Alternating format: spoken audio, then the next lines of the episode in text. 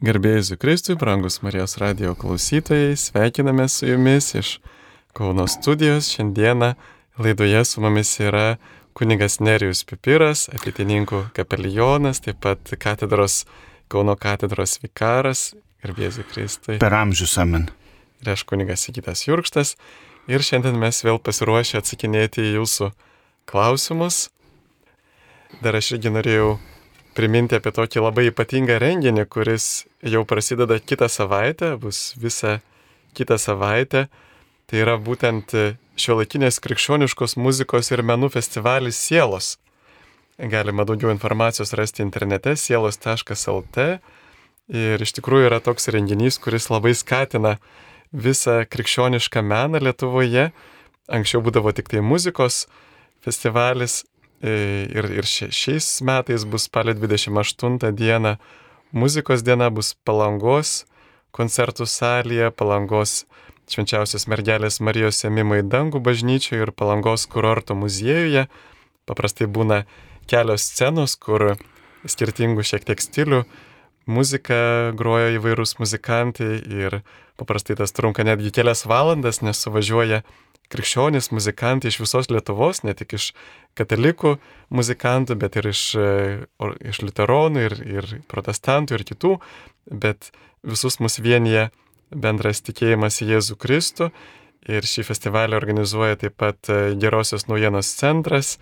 E, žinome, kad jie taip pat globoja ir turi projektą XFM radijas, irgi kitas krikščioniškas radijas, kuris kleidžia Evangeliją Lietuvoje. Ir 23 diena bus spalio miniatūrų diena, 24 tapybos diena, 25 fotografijos diena, 26 kino diena, 27 teatro ir šokio, 28 muzikos, 29 poezijos diena. Tai va labai kviečiame dalyvauti ir atsivežti kuo daugiau jaunimo. Tai yra puikia proga evangelizacijai per krikščionišką muziką. Ir dar žinau, kad kunigas Nerijus, jisai dirba prie E, Mečislavo Reinio, kaip čia pasakyti, na dar ne beatifikacijos bylos, bet prie e, mokslinio darbo apie Mečislavą Reinį. Tai gal dar trumpai galėtumėt kunigė papasakot, kas jis toks buvo ir, ir kuo jisai svarbus Lietuvai Mečislavas Reinys, kurio greit minėjimas bus. E, iš tikrųjų, galbūt reikėtų ir truputėlį pataisyti gerbiamą direktorių kunigą Sigitą, tai e, arkiviskupui e, Mečislavui Reiniui betifikacijos byla yra užvesta turbūt 1998 e, metais, jeigu, jeigu neklystu, dėl datos. Vilniaus arkiviskupijoje tai yra Vilniaus, Vilniaus arkivyskupas ir kuo jis yra skirtinis mums, šio laikiniams 21 amžiaus katalikams tai yra e, pirmiausia savo pavyzdžių, kad e, tikėjimo negalima, negalima įsižadėti, negalima įsižadėti e, žmogaus, negalima įsižadėti vertybių ir jo kaip raudona linija, kaip moto eina per, per, per visą jo mokymą, tai yra dora, moralė. E, vertybės. E, ir man, pavyzdžiui, iškalbinga, iškalbingas faktas yra e, užfiksuotas e, jo kankinystės e, e byloje, e, kai e, jis kalbėjo su e, vienu iš e, Sovietų sąjungos struktūrų informat, informatorių, jis džiaugiasi, kad jo pastangos nenuėjo veltui, kad žmonės gali apsispręsti, gali mąstyti e, ir tai buvo jo e, kaip ir pagrindinė, e, pagrindinė darbuotė, galima sakyti. Taigi per visą savo veiklą, o tos veiklos jis, jis tikrai turėjo nemažai ir Lietuvos universitete, vėliau Vytauto didžiojo universitete ir E, susitikdamas su, su žmonėmis, vizituodamas parapijas, e, pagrindinis dalykas e, buvo, tai yra per, per moralinius dalykus, per klausimų kelimus, iš tikrųjų skleisti žmogiškai orumą, skleisti vadinamąją taip apsisprendimo kultūrą, kad žmogus galėtų apsispręsti reikalui esant už krikščioniškai tikėjimą, už krikščioniškas vertybės. Ir arkivyskupas Mečislavas Reinys mirė Vladimiro kalėjime 1953 m. lapkričio 8 d. Taigi e, šiemet visai netrukus minėsime 70-asias jo kankinystės metinės. Taip, tikiuosi, kad galėsime ir paruošti laidą apie jį. Ir dabar jau turime žinučių. E, Juozas iš Marijampolės rašo, ar perėjimas per Raudonąją jūrą parašytas tiesioginė ar perkeltinė prasme. Iš tikrųjų, kai kalbame apie šventąjį raštą, reikia kalbėti e, ir apie tikėjimo knygą pirmiausia, e, ir apie mm, istorijos e, rinkinį ir apie etinių dalykų e, rinkinį. Tai pats perėjimo faktas mums e, svarbiausias turėtų būti tikėjimo prasme. Ir be abejo, galima atsekti ir tam tikrą, tam tikrą įvykį kaip išsilaisvinimą iš vergovės, bet tas, tas įvykis, jis turėtų būti tik tai antroje vietoje iš, na, po po tikėjimo, tikėjimo dalykų. E, nes pagrindinis momentas yra, kad, kad Dievas veda, kad Dievas, Dievas išveda iš, iš e, vergovės, iš nelaisvės, nelaisvės metų, nelaisvės laiko. Taip, ir tyrinėtojai jie turi tokios skirtingų įvairių nuomonių, bet viena iš irgi nuomonė yra ta, kad kaip mes skaitome Senąjį testamentą, ypatingai pradžios knygo, ten yra susipilnusios kelios tradicijos, tarsi suaustos į vieną, pavyzdžiui, ten Jekvisto tradicija ir, ir kitos e, tradicijos. Ir tų tradicijų žydai jie nepaėmė kažkurios vienos iš jų, bet jie jas visas suaudė. Ir viename pasakojime tiesiog jūra persiskiria ir stovi kaip siena, kitame pasakojime per naktį pučia vėjas ir jie paskui pereina ir tuo tarpu izraelit, tai yra egiptiečių vežimai įklimsta toje jūroje. Taigi matome, yra šiek tiek skirtingi pasakojimai, bet bet kokiu atveju katalikų bažnyčia pripažįsta tuos Mozės padarytus stebuklus. Ir aišku, Jėzus irgi yra kaip tas naujasis Mozė ir, ir, ir ypatingai tai yra krikšto simbolis, tas perėjimas per Raudonąją jūrą. Tai mums netiek svarbu, kaip ten iš tikrųjų buvo, bet kad e, iš tiesų Dievas darė stebuklų per mozę. Kitas klausimas, jei kuningas duoda išrišimo, neduoda atgailos, ar neišgirsti, ar dievulis užskaito išpažinti?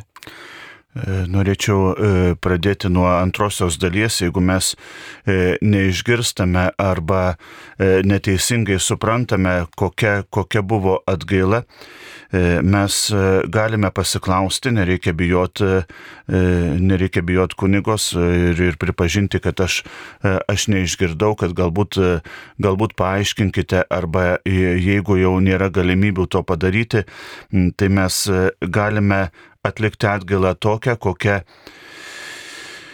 kokia mums atrodė, kad, kad kunigas ją uždavė. Ir jeigu mums šiaip kunigas e, paprastai e, net turbūt ir negali neužduoti e, atgailos per, per, išpažin, per išpažinti. Aišku, ta atgaila galėtų būti ne vien tik tai malda, bet koks nors ar galbūt ir geras darbas, galbūt, galbūt ir šypsena. Taigi, iš tikrųjų, nebijokit pasiklausti kokia atgaila turėtų būti, ką aš turėčiau daryti, kaip aš turėčiau e, atsilyginti už savo nuodėmės ir, ir e, netobulumus. Galbūt kunigas sakys, kad, e, kad iš tikrųjų labiau apmastykim savo, savo veiksmus ir to, to mąstymo šiuo atveju ir užtektų tas mąstymas, e, mąstymas ir būtų kaip atgaila, net ir bažnyčios e, mūsų tradicijoje yra mastomoji malda, tai, tai tikrai, tikrai nebijokim atgailą atlikti truputėlį galbūt ir netradiciškai, tai yra šiek tiek skiriant laiko tylai, šiek tiek skiriant laiko pamastymui, kartais galbūt tos atgailos būna ir tokios tokios, kaip minėjau, netradicinės padaryti kokį nors gerą darbą,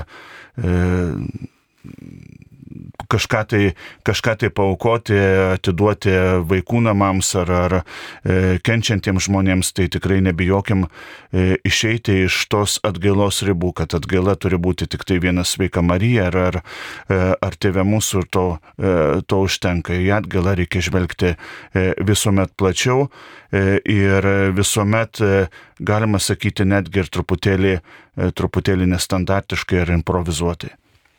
Taip, ir pažodis juk reiškia atgaila ir atsivertimas iš esmės turbūt yra tas pats žodis naujajam testamente graikų kalboje, tai ta atgaila turi vesti į atsivertimą. Ir jeigu tik tai formaliai sukalbu kokį patirėlį ir mano gyvenimas nesikeičia, tai ta atgaila iš tikrųjų yra tokia, na, nelabai tikra, bet jeigu nežinome, praklausome, tiesiog galime savo nuožiūro pasirinkti kažkokią atgailą atlikti. Kur vyks kitos pasaulinės jaunimo dienos, klausia? E, apie tai, kur vyks pasaulinės jaunimo dienos, e, visada e, paskelbė popiežius per paskutinėsias pasaulio jaunimo dienas. Mes žinome, kad šiemet pasaulinės jaunimo dienos vyko Lisabonoje ir per uždarimo mišes, jas baigdamas, popiežius Pranciškus paminėjo, kad e, e, susitiksime su e, vieni su kitais, su Jėzumi, su, su popiežiumi labai greitai ir susitiksime du kartus. Tai yra 2025 metais, kai vyks krikščionybės jubiliejus, popiežius pakvietė jaunimą atvykti į Romą ir 2027 metais e, pasaulio jaunimo dienos vyks e, Pietų Korejoje Seule. Taip, e, kitas klausimas. Įvertinkite tokį klebono pasakytą teiginį. Jei laiminamos mašinos, šunis, namai, kodėl negaliu aš laiminti gėjų? Klausė Liudai iš Kauno. Taip. Tai čia reikėtų turbūt e, to paties klebono paklausti, ką jis, ką jis turėjo E, turėjo mintį. E, iš tikrųjų, kaip popiežius Pranciškus, e, Pranciškus nurodo, visi, visi žmonės gali būti laiminami, tik tai tas, ta, tas laiminimas neturi būti sakramentinis laiminimas. Taip, ir čia reiktų atskirti laiminimą žmogaus nuo laiminimo jo poelgių, nes irgi mes labai aiškiai matėme iš Mato Evangelijos penktos skyriaus, kalno pamokslo palaiminimu, kad Dievas laimina ne visus, kaip tik sako, kad yra palaiminimo kelias, tai būtent yra klusnumo Dievo įsakymams kelias ir prakeikimo kelias būtent tada, kada tu eini prieš Dievo įsakymus.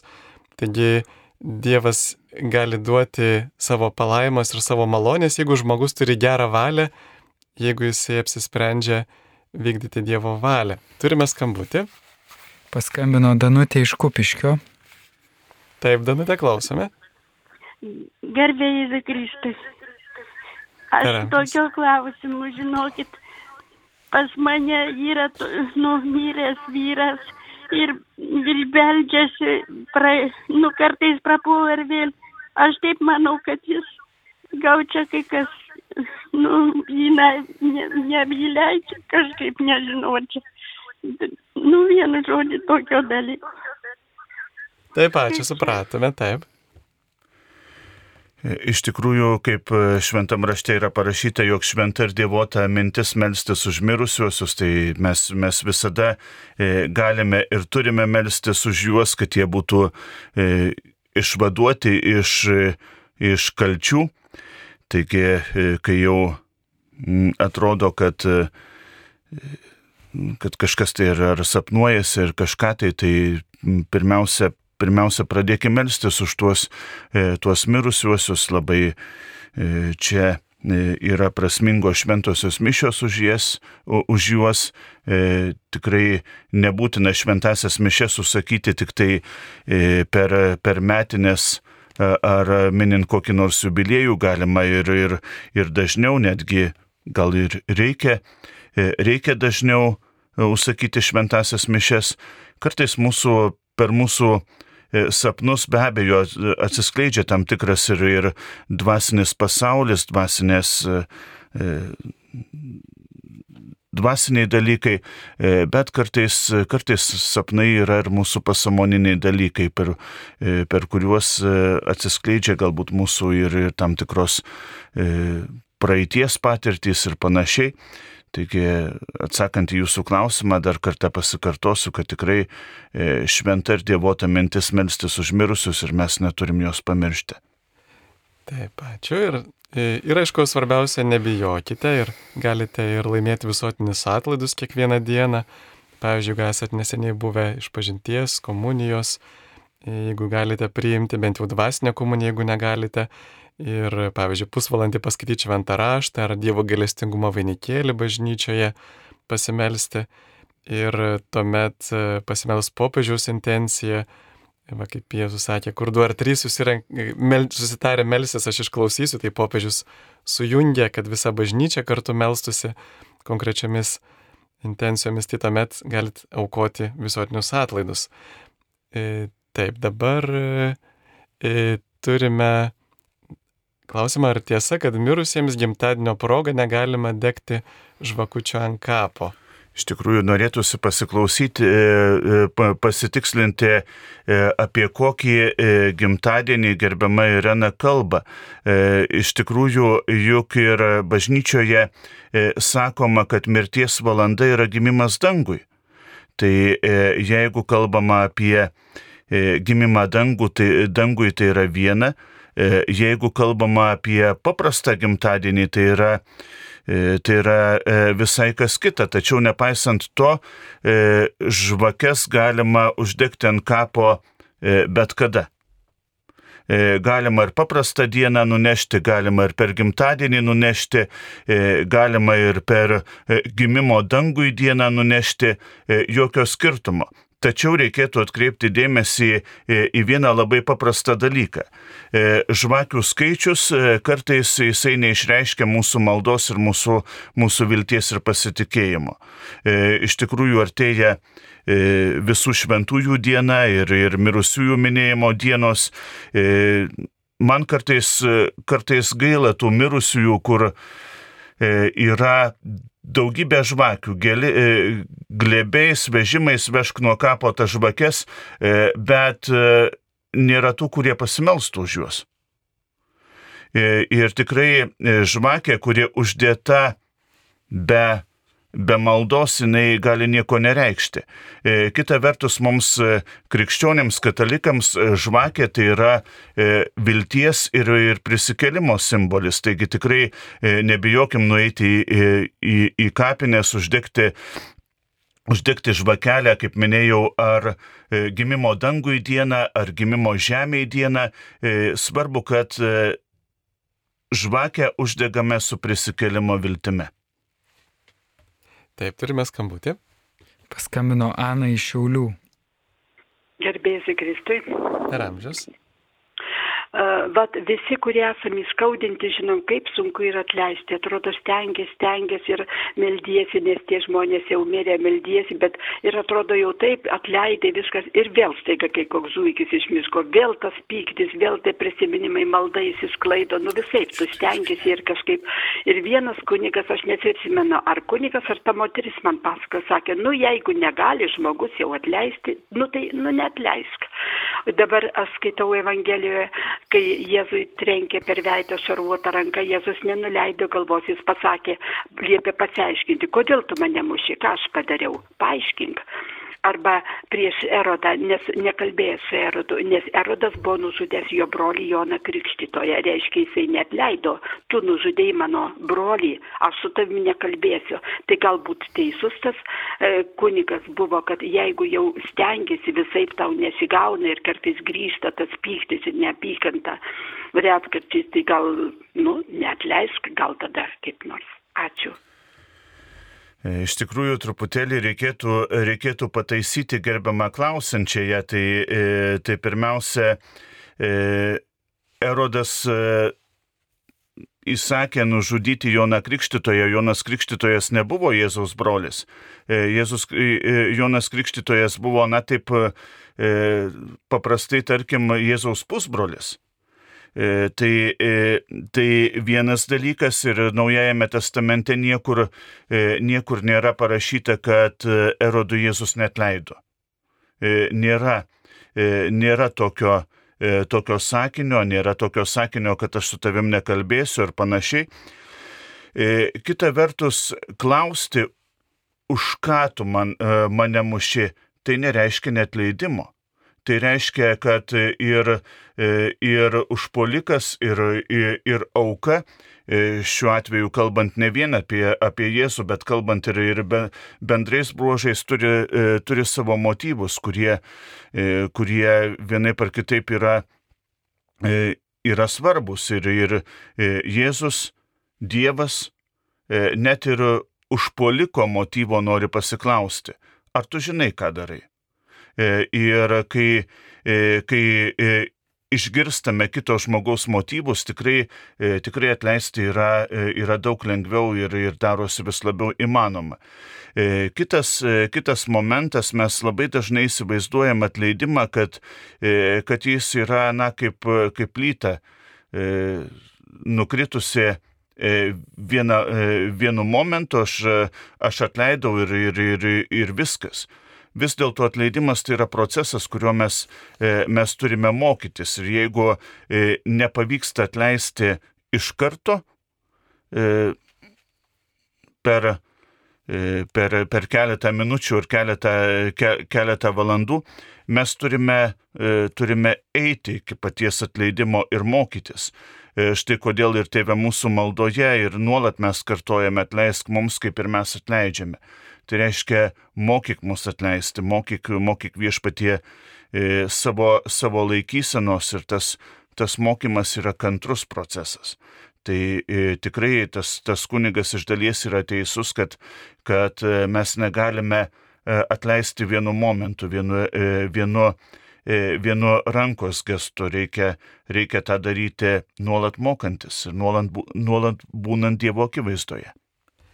Ir mes atleisdami visų pirma savo padedame ir kartu galime, na, kad nesinešiojam to akmens, kuris mus graužia, bet kartu ir galime padėti kitam, kaip Jėzus sako, jei tavo brolis tau nusikalstų, eik ir bark jį prie keturių akių, jeigu jis paklausys, tu laimėjai savo brolį. Tai kartais žmogus net nežino, kad mus įžeidė ir labai svarbu va taip nekaltinant, bet pasakant, kaip aš jaučiausi ir to, tai gali padėti žmogui sužadinti atgailą. Ar Dievas mylintis žmonės galėjo sukurti pragarą ir ar verta melsis už mirusiuosius, jeigu jie... Na, šitas klausimas, atsiprašom, bet jau kiekvieną kartą jį užduodate. Taip, ar gerbiamas kunigas Pipiras tiki Dievo viešpaties žodžiu, jei vyras sugultų su virškiu tarsi su moterimi, jie du abu nusikalto bjaurių iškrypimu ir užsitraukė kraujo kaltę, ką reiškia mirties bausmė. Iš tikrųjų šitą klausimą irgi jau matau per, per kiekvienas, kiekvienas laidas, tai e, galite nesivarginti ir jo neuždavinėti. E, kiekvienas kunigas, e, jisai tiki viešpaties žodžiu ir viešpaties, viešpaties gailestingumo, tikrai neišimtis, neišimtis ir aš. Ir mirties bausmė turėtų būti suvokiama kaip, kaip galutinis Dievo žodis. E, ir tik tai, tik tai Dievas turi, e, turi nuspręsti, kas, kokie yra mūsų, e, mūsų pasirinkimai. Ir kai mes matysime, matysime Dievą veidas į veidą, tuomet ir išgirsime jo nuosprendį. Tai gali būti kažkam, kažkam amžinos mirties klausimas, nuosprendis, kai kam amžinojo gyvenimo. Taigi iš tikrųjų nelaikas ir ne vieta čia E, čia e, uždavinėti klausimus apie, e, apie mirtį, nes galų gale mes galbūt ir nežinom, kas tai yra amžinoji mirtis, nes tik tai Dievas pasakys, kaip mes gyvenome. Taip ir ankstesnėme pasaulyje buvo tikrai tos bausmės labai griežtos ir jie tiesiog negalėjo, neturėjo galimybių kitaip, kaip pavyzdžiui mūsų laikais padaryti, na, už, o, pavyzdžiui, bet, bet kita vertus, ta mirties bausmė taip pat ir rodo, kad rodo tam tikros nuodėmės didumą.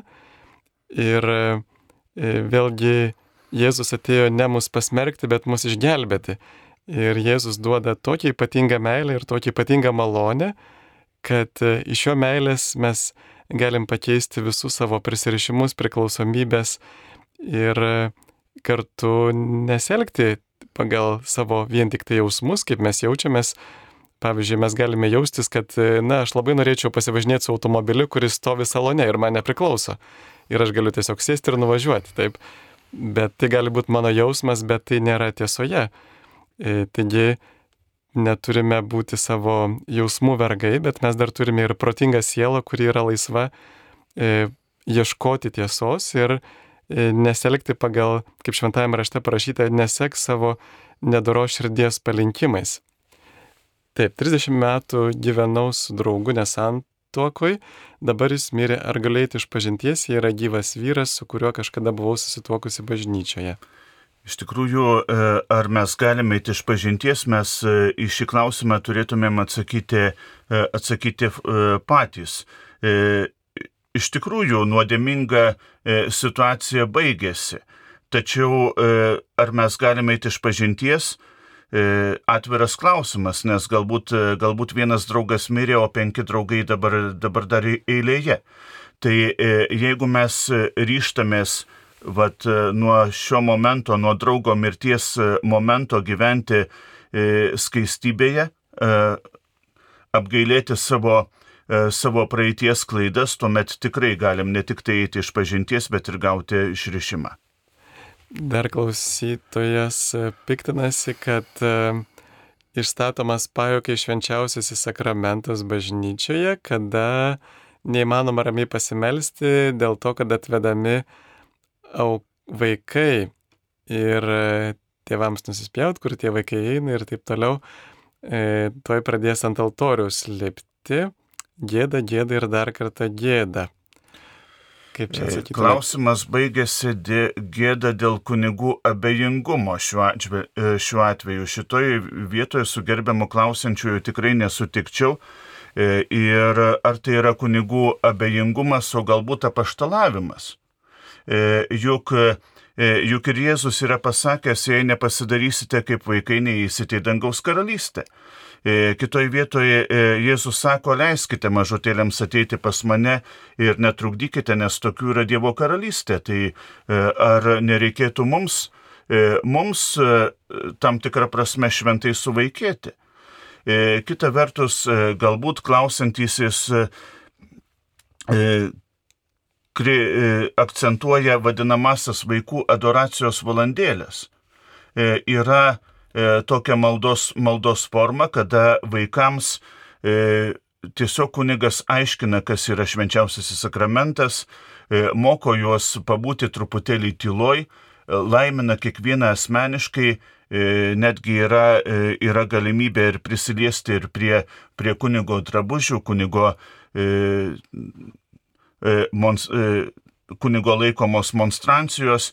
E, ir tai yra, na, kaip, kaip pedagoginė paštalavimo priemonė. Tai, tai iš tikrųjų nereikia, nereikia manyti, kad malda yra tik tai buvimas sudėjus, sudėjus rankas ir, ir daugiau nieko. Kartais, kai mes sudedam rankas, mes matom, matom aplinkinius, apkalbam aplinkinius ar, ar žodžiais, ar mintimis ir tai, tai tikrai nėra pati geriausia malda ir galbūt net ir, e, net ir savo e, esmė jinai yra blogesnė už tuos e, nuoširdžius vaikus, kuriems viskas įdomu, kurie nori, nori pažinti patį viešpatį Jėzų. Taigi leiskime mažutėliams ateiti pas jį. Taip, Jėzus net užsirūstino, kai jie draudė apaštalą ateiti mažutėliams. Ir nuodėmę galima padaryti tik tada, kada tu supranti, kad tai nuodėmė ir darai samoningai laisvai, Ir jeigu vaikai nesupranta, tai jiems galima švelniai paaiškinti. Ir šiuo atveju didesnė nuodėmė būtų tuos vaikus merkti, pykti ir dar nedaug dievę priekti, nes, pavyzdžiui, esu susitikęs kartą vieną merginą, kuri, kuriai patikdavo ateiti bažnyčią, bet ją vis nuteisdavo esančios močiutės dėl jos plaukų spalvos. Ir tą kartą aš ją sutikau psichiatrinė ligonį po bandymo nusižudyti, nes jinai tada nustojo vaikščioti bažnyčią. Taigi mes galime iš viso atstumti vaikus nuo Dievo. E, jeigu parodysim jiem nemailę, tai va reiktų prisiminti, kad Jėzus liepia mylėti artimą ir su meilė mes galim visą laiką taip švelniai pataisyti. ar užsiskaito šventos mišios, jeigu įdedama auka į dėžutę ir kaip pats pasakai intenciją, o neoficialiai kunigui užsakai ir paminima per šventasias mišes. Čia turbūt, turbūt turima e, omenyje vadinamosios sudėtinės šventosios mišios.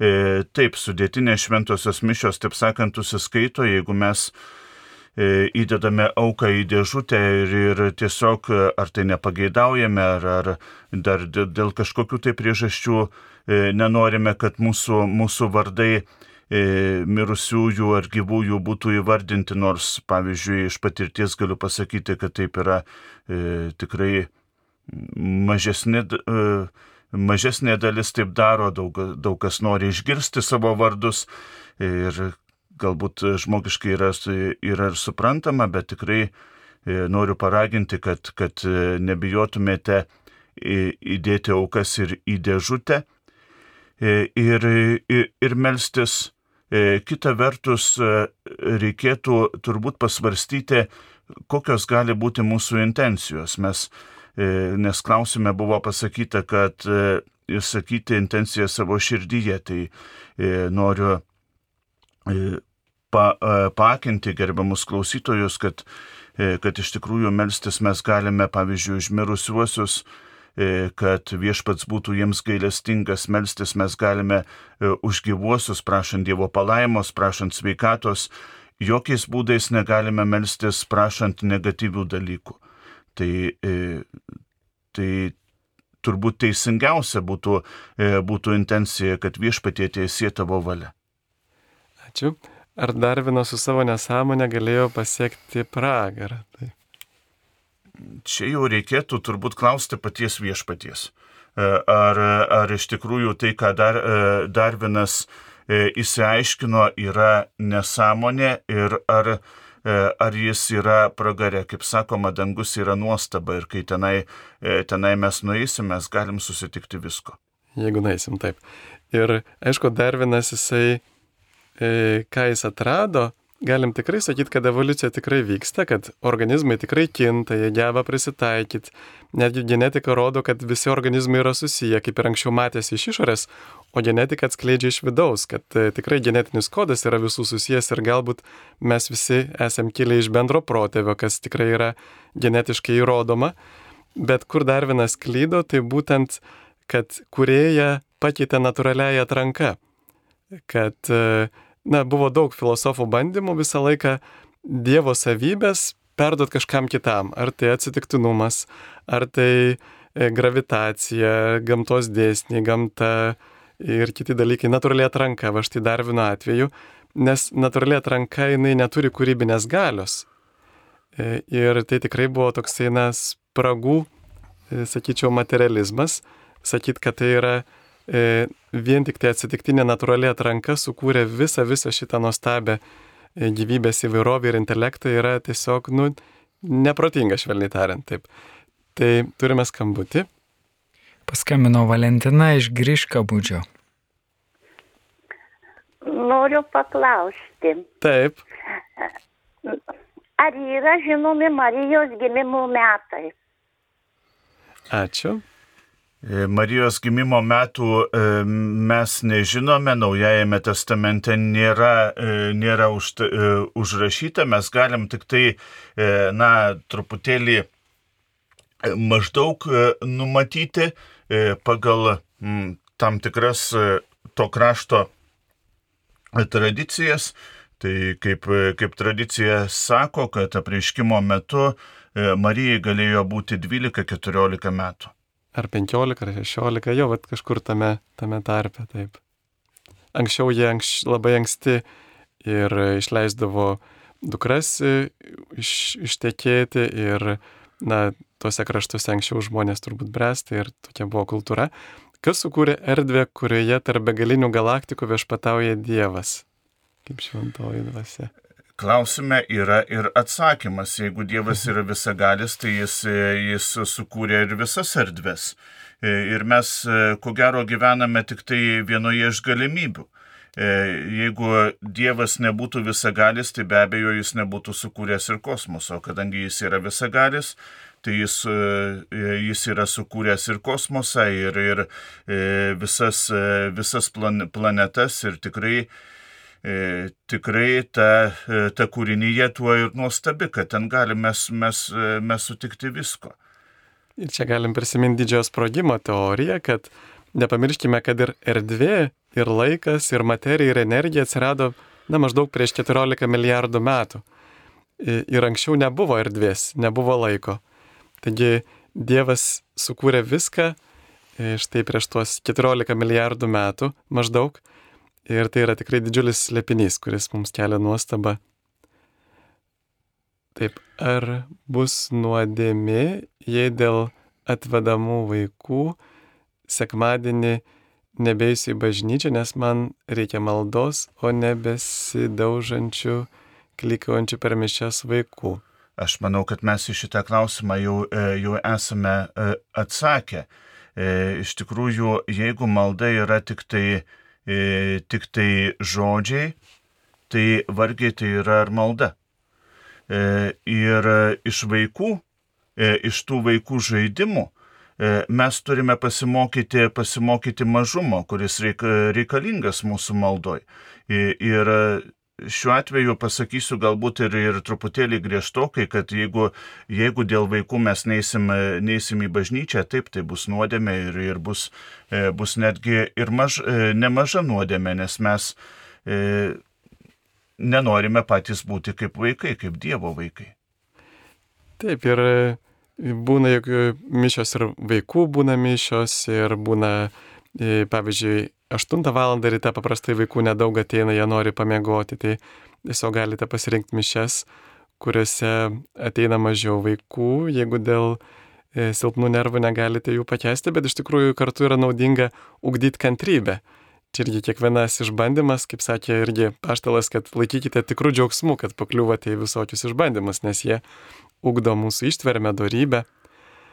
Taip, kaip šventajame rašte nuo Domo ir Jėvos galėjo prasidėti gyvybė, jeigu jų palikonį turėjo vyrišką lytį? E, iš tikrųjų, e, nežinau klausiančiojo intencijos, nes iš to paties telefono mes gauname aibės klausimų e, ir atrodo, kad, kad tie klausimai atrodo liktai kažkaip tai sugauti kunigus atsakinėjant. E, maždaug taip aš geriau žinau, e, negu kad, e, negu kad kunigai ir panašiai. Tai dar kartą noriu, noriu paraginti, jeigu yra tokia intencija, tai neklauskite. Jėva ir Adomas tai yra simboliniai, simboliniai vardai ir išvertus į lietuvių kalbą Jėva reiškia gyvybė, o Adomas Adam žmogus arba žmonija. Taigi, taip kalbant apie tai, mes turim tik tai e, du, e, du vardus kaip simbolius. O kiek ten, ten buvo tų, tų žmonių, mes skaičiais mes negalim pasakyti ir negalim pasakyti, kad, kad iš tikrųjų jų vaikai buvo vien tik tai, vien tik tai vyriškos, vyriškos lyties, turbūt ne. Ir vienu žodžiu, kad gyvybė kilo iš gyvybės motinos Jėvos ir e, Adomas, kaip minėjau, tai yra žmogus arba žmonija. Taip, ir čia galima dar irgi patikslinti, kad bažnyčia visgi kol kas laikosi to Adomo ir Jėvos istoriškumo, kad tai buvo kaip istoriniai asmenys, bet kita vertus e, irgi bažnyčia labai aiškiai e, įvairiuose dokumentuose irgi pabrėžia, kad tai yra prieš istoriją pradžios knygos 11 skyrių, ir kad jų nereikėtų suprasti, na, visiškai kaip kokio istorinio žurnalistinio pasakojimo. Tai panašu yra kaip mito istorijos žanras. Žinot, kaip mitai bandė paaiškinti, atsakyti tokius svarbiausius gyvenimo klausimus įvairia tokia simbolinė kalba. Ir be to pačioje Biblijoje taip pat yra parašyta, kad tuo metu dar buvo kitų žmonių. E, taigi, aišku, tai yra tam tikra problema, jeigu mes bandom susijęti su gamtos mokslais, vienas iš būdų, kaip galima tai paaiškinti, yra, kad e, Adomui ir Jėvai, e, na, iš anksčiau egzistavusių jų protėvių žmonių Dievas sukūrė protingą sielą. Nes žinome, kad irgi buvo anksčiau laidoje klausimas apie, apie sielas. Žinome, kad gyvūnai, jie, pavyzdžiui, beždžionės, šimpanzės, taip, kurios yra genetiškai artimos žmogui, jos neturi protingos sielos, nes, nu, pažvelkime ir jų kultūrą. Genetiškai tik keli procentai yra skirtumas, tuo tarpu kultūros skirtumas yra milžiniškas tarp žmonių ir šimpanzių. Kultūros, civilizacijos. Taigi gali būti, kad šitą skirtumą lemia vat, būtent protinga siela, kurią Dievas duoda. Ir nors kūnai e, galbūt ir nedaug pačioje pradžioje tas įskyrė, tai aišku, visa tai yra slepinys, bet e, e, kaip ir, ir kaip Dievas kūrė, bet e, gal paprasčiausias būtų atsakymas, kad e, mes e, skaitytume tuos pirmosius 11 skyrių kaip, ne kaip istorinį tokį žurnalistinį pasakojimą. Taip, turime skambutį. Egidijus iš Kauno. Sveiki, Egidijau. Garbėjusi Kristui. Per amžius. Ar gali būti kunigas, kuris netiki Dievą? Turbūt gali, taip. Turbūt gali. E, Kalbant gailestingumo vainikėlį, kalbant e, namuose, nieko nereiškia, aš į bažnyčią einu kas sekmandį, bet vainikėlį gailestingumo kalbu namuose. Iš tikrųjų, e, mes galime gailestingumo vainikėlį ir, ir rožinio maldą kalbėti na, namuose ir tai, tai nėra jokia nuodėmė, svarbu, kad tas maldos praktikas mes, mes praktikuotumėm. Tai, tai tikrai noriu, noriu paraginti ir noriu pakviesti, kad kuo dažniau mes kalbėtumėm ir gailestingumo vainikėlį, ir, ir, e, ir rožinį, ir kitas, kitas maldos praktikas, net ir būdami namie. Kitas klausimas. Garbėsiu Kristui, ar masturbacija pasireiškinti kaip nuovargio streso rezultatas, ne pornografijos ar kitų panašių dalykų žiūrėjimas, bet kaip nuovargio rezultatas yra sunki nuodėmė. Ta problema su pertraukomis kamuoja jau virš 30 metų, begalė būdų išbandyta, kartais net sapnuose su tuo kovoju, ar po jos galima eiti komunijos sekmadieniais, nepriejus iš pažinties, nes kartais gaunasi, kad iš pažinties reiktų eiti kas savaitę. Iš tikrųjų, e, bendrai paėmus, e, masturbacija yra e, žalingas dalykas ir yra sunki nuodėmė, bet jos šitos nuodėmės sunkumas moralinių požiūrių su- sumažėja, kai mes, e, kai mes e, esame, na, galbūt ir, kaip čia pasakyti, ar, ar priklausomi nuo to, e, arba dėl kokių nors kitokių priežasčių, kaip, kaip, kaip minite, kad tai yra, tai yra nuovargis. Tai vėlgi, kovojant su, su šituo dalyku, reikėtų žvelgti į priežastis. Ir, ir manyčiau, kad tikrai mes kovosime su, e, su masturbacija, jeigu mes stengsimės, na, galbūt e, e, mažiau, mažiau darbų padaryti ir, ir e, išlikti ir nepavargę, ir, ir, ir galimas, ir, ir, ir blaivus. E, Ir tai būtų, būtų e, kova su ši- šito dalyko šaknimis. E, Nereikėtų bijoti ir išpažinties. E, Nes išpažintis yra gydimo sakramentas ir, ir per išpažinti mes, mes tikrai sakome tai, e, tai, kuo gyvename, kokios, kokios lygos, e, dvasinės lygos kovoja, ko, kamuoja, kokie yra tų lygų, lygų simptomai. Taigi, kovojant su, su šituo dalyku, nebijokite dažnos išpažinties. Taip, ir čia iš tikrųjų tas klausimas dažnai iškeliamas ir dėl litiškumo, ūkdymo, lytinio švietimo pamokų tam tikrų temų. Ir čia vieną dalyką dar reikėtų atskirti, kad tai, kas yra krikščionėms ir tai, kas yra visiems žmonėms, yra iš tikrųjų, kam daug duota, iš to bus daug pareikalauta. Ir Dievas e, mums duoda tą savo paguodą ir meilę, kuri padeda įveikti kūno geismus. Nes kaip yra paštalai irgi rašė, pavyzdžiui, paštalas Paulius, kad daugelis buvote tokie, pasidavę įvairiems geismams, bet dabar nebesate tokie. Taigi tai irgi yra atsivertimo ženklas, kad Dievo ramybė ir meilė mums padeda nugalėti kūno geismus, kaip parašyta ir Pauliaus laiškuose, kad e, dvasia marinkite kūniškus darbus. Ir aišku, tai yra e, kova, ją reikėtų nukreipti ne tiek prieš save, prieš savo kūną, bet stengtis, na, bet kaip ir tas pats Freudas, kuris iš tikrųjų buvo ateistas ir visgi psichologijos tėvas, jisai sakė, kad brandus litiškumas yra lytinį potraukį sujungti su meile. Ir šita mintis turbūt tikrai yra gera, mes turėtume stengtis ne mažiau mylėti, bet daugiau mylėti.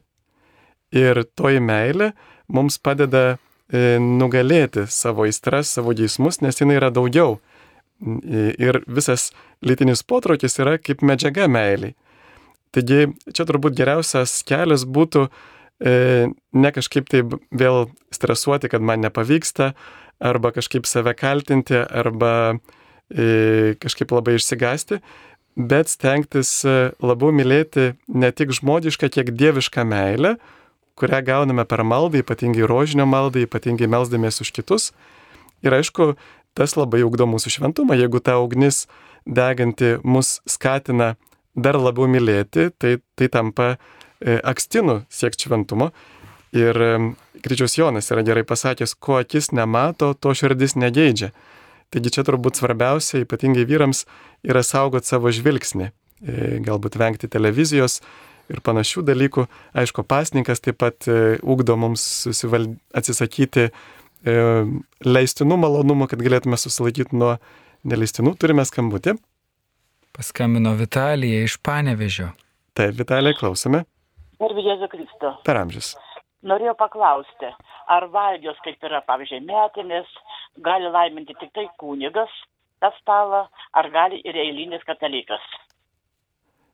Taip. E, stalą laiminti e, gali gali visi žmonės ir, ir norėčiau iš tikrųjų paraginti ir paskatinti, kad kiekvienus mes, mes savo pietus, kiekvieną vakarienę e, pradėtumėm kryžiaus ženklų. Ir šiaip e, yra tokia e, graži tradicija, apie kurią girdėjau, kad paprastai kryžiaus ženklą ar maldą sukalba šeimos galva, bet jeigu, jeigu šeimoje yra daug galvų, truputėlį juokaujant, tai, tai, tai tikrai mes galim, galim sukalbėti maldą ir, ir taip sakant, ir pasauliečiai. Tai, tai tikrai maldos sukalbėjimas nėra, nėra rezervuotas kunigui, tai yra mūsų kiekvieno, kiekvieno pareiga. Taip, ir jo labiau, kad Dievas mums duoda šventąją dvasę, bet tik maldoje mes prašome, kad jis pats laimintų. Klausimas, ar Jurgis Ambrazėjus pabrėžia bus palaimintoju? Iš tikrųjų, iš šį klausimą atsakant, reikėtų prisiminti, kad šventumas yra kiekvieno iš mūsų, mūsų programa, programa, gyvenimo programa. Ir kiekvienas iš mūsų mes turim visas galimybės ir visus šansus būti ir palaimintaisiais, ir šventaisiais. Sakyčiau, kad be abejo, Jurgis Ambrazėjus pabrėžia, jau yra palaimintojų, tačiau palaimintojų tuo, apie, kurį, apie kurį, kurio nuopelnus ir, ir vertumą žino pirmiausia pats viešpats. Jis jau yra nepaskelbtas palaimintasis, o ar bus paskelbtas, tai priklauso nuo kiekvieno iš mūsų. Ar mes melžiamės, ar mes, ar mes prašome to, ar nepamirštame Jurgio Ambrazėjaus pabrėžos prašyti ir net galbūt ir pareikalauti reikalingų malonių, kad jis išmelstų iš viešpaties. Tai e, pradėkime melstis, e, aktyviai melstis e, ir tikiu, kad ateis laikas ir Jurgis Ambrazėjus pabrėžia, ir Mečislovas Reinys, ir Adelė Dirsytė, ir Elenas Pergevičiūtė bus, bus paskelbti palaimintaisiais. Taip, ir klausytojai, kas nežinote, irgi tai buvo kunigas, pranciškonas, gydytojas, botanikas, XIX amžiaus vienas iškeliausių švietėjų, jisai Kretingoje mokėsi ir yra kaip tik Kretingoje, priešais Kretingais bažnyčia yra jam paminklas, tai tikrai puikia mintis prašyti užtarimo. Kai neblogai žmogus meldžiasi, ar Dievas jį išklauso, klausia Petras iš Tilšių. Iš tikrųjų, Dievas, dievas gali išklausyti, bet Dievas gali neišklausyti ir nebūtinai, nebūtinai neblaivaus žmogaus. Taigi, ar Dievas išklausys, ar Dievas, dievas kokį nors sprendimą parodys, tai, tai visa tai kyla iš, iš paties viešpaties ir jam turbūt nėra, nėra skirtumo, ar meldžiasi labai blaivus žmogus ar meldžiasi e, žmogus, kuris, kuris jau yra e, įklimpęs e, į, į neblaivumą ne kaip į, į kokį pasileidimą, bet kaip į lygą, tai turbūt nėra skirtumo. Ir teko man sutikti vieną tokį žmogų, kuris būdamas neblaivus norėjo nusižudyti, palysti po mašiną. Ir jisai kažkaip tai priejo iki, iki kunigo, netgi vakare visiškai būdamas neblaivus paprašė iš pažinties, aišku, tarpininkaujant kitiems žmonėms. Ir jis iš tikrųjų atsivertė tuo metu. Tai, tai tikrai negalim tokių visiems etikėčių uždėti, bet aišku, kartais jeigu matome, kad žmogus nesupranta, ką šneka, tai turbūt jisai nėra pajėgus e, nuoširdžiai gilėtis. Galbūt tai negalim teisti. Taip. E, labai džiugu, kad kartais mūsų, mūsų laidoje e, įsivyrauja ir tam tikra diskusija ir žmogus, kuris klausęs apie vaikus, truputėlį praplečia savo klausimą, sakydamas, kad gal ir suaugusiems reikia ant smėliuko pradėti, pradėti žaisti, jei pateikėte neteisingą palyginimo paaiškinimą apie Jėzų ir vaikus iš Naujojo testamento. Jei nepasidarysite kaip vaikai, e, Jėzus turėjo galvoje apie vaikų atvirumą ir nevaidmeniškumą, o ne apie trypimus ir triukšmą. E, apmaudu, kad kunigai pamiršo seminarijos studijas. E, įdomu, kas čia klausė. E, ar galbūt, galbūt klausia koks seminarijos dėstytojas. Tai jeigu seminarijos dėstytojas, tai, e, tai reikia pasakyti, kad kunigai tikrai nepamiršo seminarijos studijų, e, o jeigu jeigu ne seminarijos dėstytojas, tai turbūt visa mūsų veikla Dievo akivaizdoje yra, na, tik tai žaidimas ant smėliuko. Ir tada kiltų klausimas, E, ar Jėzaus laikais vaikai buvo kitokie negu kad mūsų laikais? Ar jie nežaisdavo? E, ar jie, e, ar jie netriukšmaudavo? Ar jie, ar jie nedainuodavo kokiu nors daineliu? Turbūt ko gero, ko gero, kad dainuodavo ir žaisdavo. Tai, tai iš tikrųjų be abejo, E, Jėzus, Jėzus kalba apie atvirumą ir nuoširdumą. E, bet ar to atvirumo ir nuoširdumo nėra mūsų bažnyčiose per, e, per šventasias mišes, aš kai katedroje susi, sutinku vaikus, džiaugiuosi jų nuoširdumu, kaip jie, kaip jie nuoširdžiai žaidžia ir kaip jie nuoširdžiai meldžiasi. Kita vertus yra ir tam tikros katechezės formos, kaip gerojo ganytojo katechezė, kuri paremta žaidimu. Taip, ačiū. E, ar galime laiminti, atsiprašome, turime skambutį. Danutė iš Molėtų paskambino. Taip, Danutė, garbėsiu Kristui. Garbėsiu Kristui. O noriu pasiklausti, noriu, noriu pacituoti žodžius iš Jėzau pasitiktavimi galestingumo šitas knygutės. Žodžiu, tokie žodžiai yra. Tačiau niekur Evangelijoje nei atleidimas, nei jo šaltinis gailestingumas nereiškia pakantumo blogiui, papiktinimui, skriauda ar žaidinėjimui. Visuomet blogio bei papiktinimo atitaisymas, skriaudos atlyginimas, įžeidimo atšaukimas yra atleidimo sąlyga. Tai kaip dabar man suprasti, jeigu man tas žmogus nei atlyginimo, nei jis nesijaučia, supranti, kaltas, iš vis ir nes paprašai gražiuoju kažką kalbi, jis nesupranta nieko ir tau jis nenori, tau nei tos skriaudos atlyginti, nei nieko. Tai kaip dabar man reiškia, aš vis tiek turiu jai atleisti. Aš, negaliu, aš meldžiuosi ir prašau Dievo, ir suprantat šitas, ir meldžiuosi, kad jinai pasikeistų, bet suprantat, širdį ta viskas stovi ir atrodo jau atleisiu ir vis tiek viskas grįžta atgal. Kaip dabar elgti su tokiu žmogumi, kaip man, aš kalbu, kalbu šitą, čia atleist mūsų kaltės, kad tiems kaltininkams, aš, žinai, kažkaip kalbu ir kažkaip galvoju, taigi aš lyg ir neatleidžiu tam žmogui.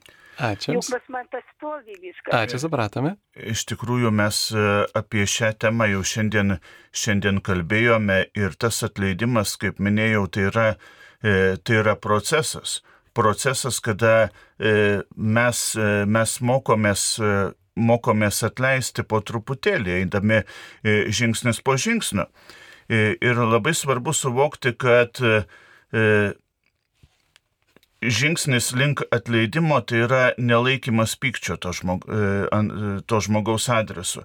Galbūt tas žmogus gali, gali ir nesuprasti, kiek jis supras, tai yra, tai yra Dievo dovana, bet, bet svarbu, kad mes, mes nelaikytumėm pykčio. E, svarbu, kad nebūtumėm užsikonservavę toje, e, toje žaloje, tame, e, tame blogyje, bet patys iš to blogio, blogio išeitumėm. Bet žiūrėkite, čia Jėzus liepia mums atleisti ne todėl, ne tada, kai mums atlygina ar atsiteisė. Čia yra reikalavimas tam žmogui, kuris blogą padarė, kad jis atlygintų ir atsiteistų.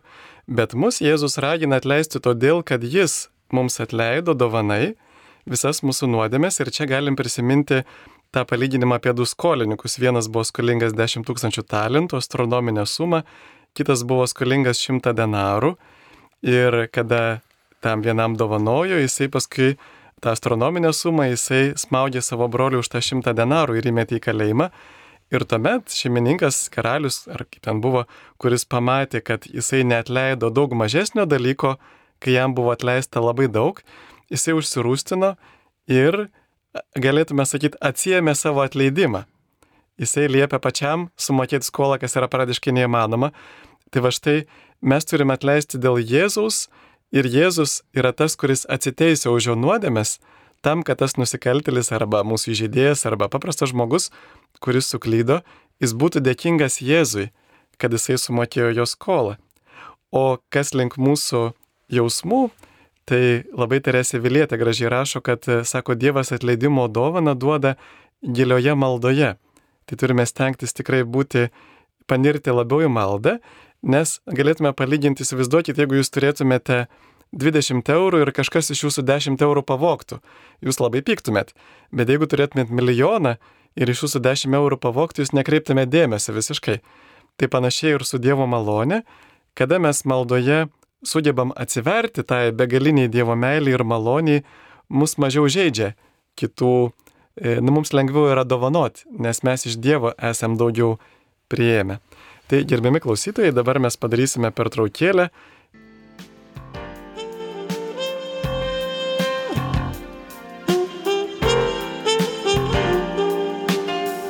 Likite su Marijos radiju.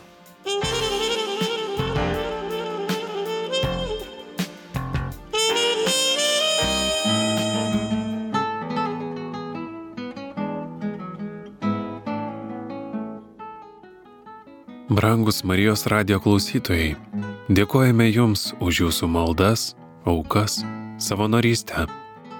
Dėkojame ir kviečiame susitikti su Marijos radio savanoriais spalio 22 dieną sekmadienį Vilniaus Šventojo vyskupo Stanislovo ir Šventojo Vladislovo arkikatedroje. Kaune atsinaujinimo dienose Vytauto didžiojo universiteto didžiojoje salėje Daukanto gatvė 28. Kaune Gerojo ganytojo bažnyčioje ir Marijampolės Švento Vincento Pauliečio bažnyčioje. Dėkojame, kad visokiojopai remiate Marijos radio veiklą ir melžiamės už Jūs.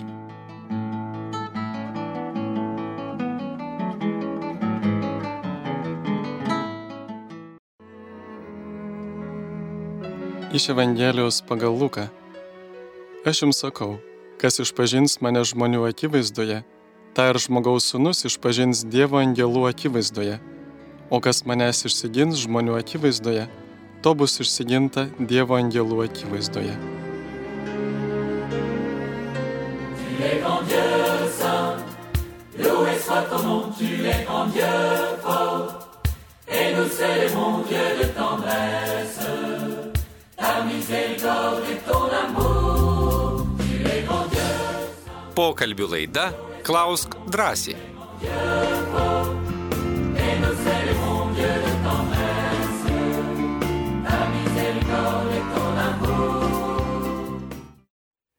Sveiki, mėly Marijos radio klausytojai. Mes grįžtame vėl į eterį. Kunigas Nerijus Papiras, katedros Kauno vikaras, kunigas, ateitininkų kapelionas ir aš kunigas Sigitas. Ar galime laiminti vestuvinius žiedus, kai yra kliūtis santokos sakramentui? Pirmiausia, tai norėčiau paraginti, kad e, kliūtis santokos sakramentui pradėtume spręsti, nėra problemos, kurie nebūtų sprendžiama, tačiau dažnai mes to sprendimo kažkaip tai, kažkaip tai bijome. Taigi, kai bažnytinis tribunolas pasakys, kad santoka yra galiojanti arba, arba negaliojanti ankstesnė santoka, tuomet reikėtų pradėti galvoti apie bažnytinę santoką, jos galimumą ar negalimumą. E, ir šitoj, e, šitoj vietoje reikėtų pabrėžti, kad e, žiedų palaiminimo, vestuvinių žiedų palaiminimo nesant santokos sakramentui, na, nėra negalima. Nes siekiama išvengti santokos sakramento, kaip čia pasakyti, pa, pa, paniekinimo, kad žiedų palaiminimas e, liktai atstoja santokos sakramentą. Ne, e, žiedų palaiminimas santokos sakramento neatstoja. Ir mes galim lygiai taip pat laimingai nešioti ir nepalaimintus žiedus. Turime skambutį. Danutė iš plungės. Noriu klausimas, man neaišku, e, Elena šventą atrado šventą kryžį. Kokius stebuklų jinai atrado, aš niekur nesu girdėjęs, niekur apsiskaičius stebuklingų būdų atrado šventą kryžių. Kokius stebuklų? E, na, stebuklas tai yra nepaaiškinamas dalykas ir jeigu mes dalykus e, bandytumėm paaiškinti racionaliai, tai e, jau, jau ne, nebūtų stebuklai.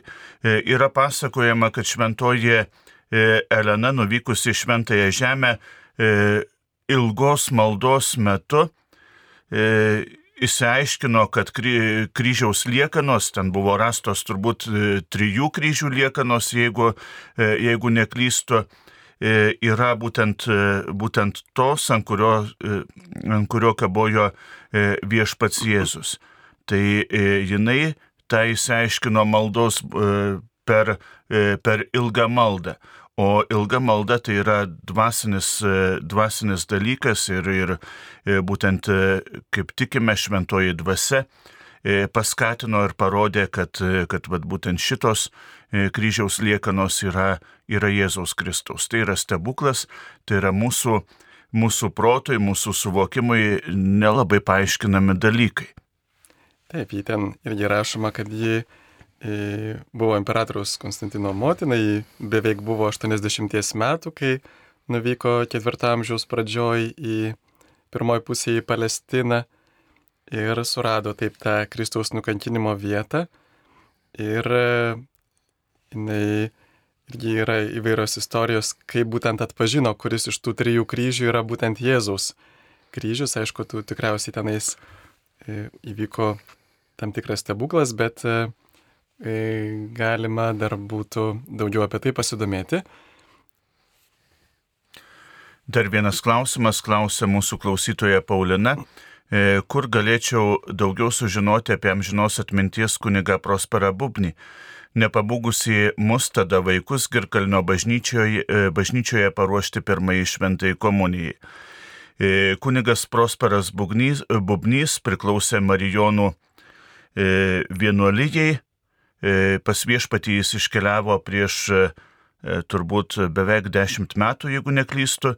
Taigi ir informacijos reikėtų ieškoti e, Marijonų vienuolyjoje, Marijonų vienuolijos archyvuose. Marijonų vienuolijos centras yra Kauno švento, Šventosios Gertrūdos bažnyčia. Galima teirautis, teirautis ten arba dar vienas Marijonų Marijonų centras Lietuvoje yra Marijampolės, Marijampolėje. Taip ir jisai mirė 2012 metais, būdamas beveik 95 metų amžiaus ir visą gyvenimą jisai tarnavo Dievų bažnyčiai ir apie jį yra žinoma ir tai, kad jisai buvo suimtas už vaikų rengimą pirmajai komunijai ir už tą nusikaltimą kabutėse kalėjo kapsuko griežto režimo kalėjime. E, taigi, taip iš tiesų apie jį gali daugiau sužinoti pas Marijonus. Kas yra vidinio išgydymo pamaldos ar mišios ir kur jos vyksta?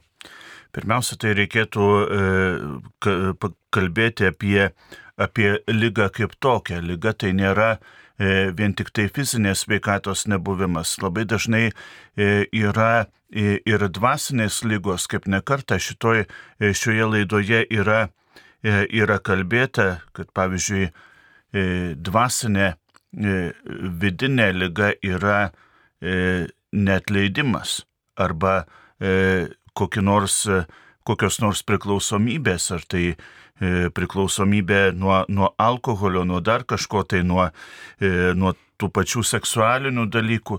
Ir kartai šitie dalykai gydomi ne vien tik tai fiziniais, fiziniais metodais, vaistais, bet, bet ir malda. Labai svarbu mūsų dvasiniai kelioniai iš tiesų yra užtarimas malda, kad mes, mes neišklystumėm ir būtent tą, tą mums dovanoja ir vidinio išgydymo pamaldos. Vidinio išgydymo mišių šiaip, šiaip nebūna, yra vidinio išgydymo pamaldos, kur labai svarbia vieta atli, užima vieni kitų malda, malda už vie, vieniems už kitus, išpažintis ir šventoji komunija. E, paprastai e, vidinio išgydymo pamaldos vyksta e, Kauno mūsų viešpaties Jėzaus Kristaus prisikelimo parapijoje. Jos vyksta Rukloje, kur, kur vadovauja kunigas egzorcistas Arnoldas Valkauskas. Kartais Šiluvos atlaidų metu šios pamaldos vyksta Šiluvoje, taigi E, reikėtų, reikėtų pasidomėti tose parapijose Rukla, e, prisikelimo parapija. E, šiomis pamaldomis šias pamaldas organizuoja tokia bendruomenė gailestingumo versmė, galima ten domėtis, kur kokio, kokios pamaldos vyksta. Anksčiau jos vykdavo, nežinau, ar dabar vyksta ir Kauno sobore. Taip, kaip tik radau internete, yra jų svetainė gailestingumo versmė.lt ir tos išgydymo pamaldos yra reguliariai organizuojamos ir dar ir kitose vietose šalia minėtų jūsų, pavyzdžiui, Alituje, Šventų Angelų sargų bažnyčioje, kas tris mėnesius trečiąjį pirmadienį, artimiausias bus gruodžio 18, 18 val. paskui Kaune Arkangelo Mykolo bažnyčioje, kiekvieno mėnesio paskutinį sekmadienį, artimiausias bus spalio 29-12 val.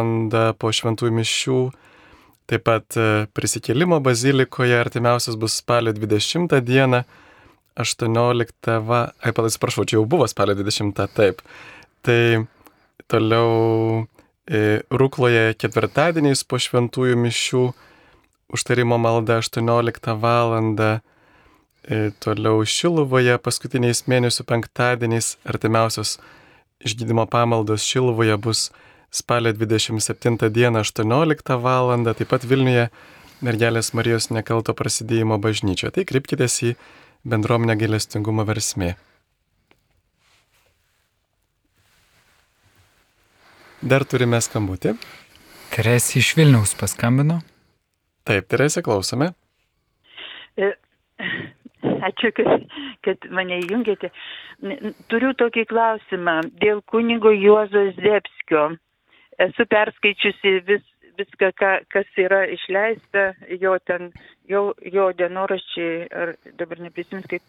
Ir žinote, noriu paklausti, kodėl iki šiol nepradėta jo beatifikacijos byla, todėl kad liaudyje mūsų tautoj jau gana, nu, tam tikrą jau laiką melžiamasi jo užtarimo dėl mirštančiųjų, kad mirštantysis pagaliau baigtų savo kančias ir eitų pas viešpatį. Pati šitą dalyką patyriau, nes man pasakė tokia, tokia viena, nu, giliai tikinti moteris, kuri man pa, pa, tiesiog e, patarė pasimelsti ir iš tikrųjų buvo greitai žmogus iškeliavęs, nes labai buvo kankinėsis ilgokai.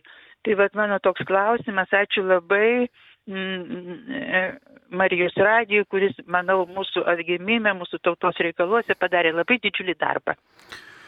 E, pradėsiu e, kalbėti nuo to, kad e, asmeniškai šventai tikiu, kad kuningas Juozas, Juozas Debskis šiandien yra tarp, tarp palaimintųjų, kaip ir kiti mūsų tautos vyrai, vyrai ir moterys, tos ypatingos asmenybės, ypatingos istorinės asmenybės, mūsų tikėjimo kelrodžiai.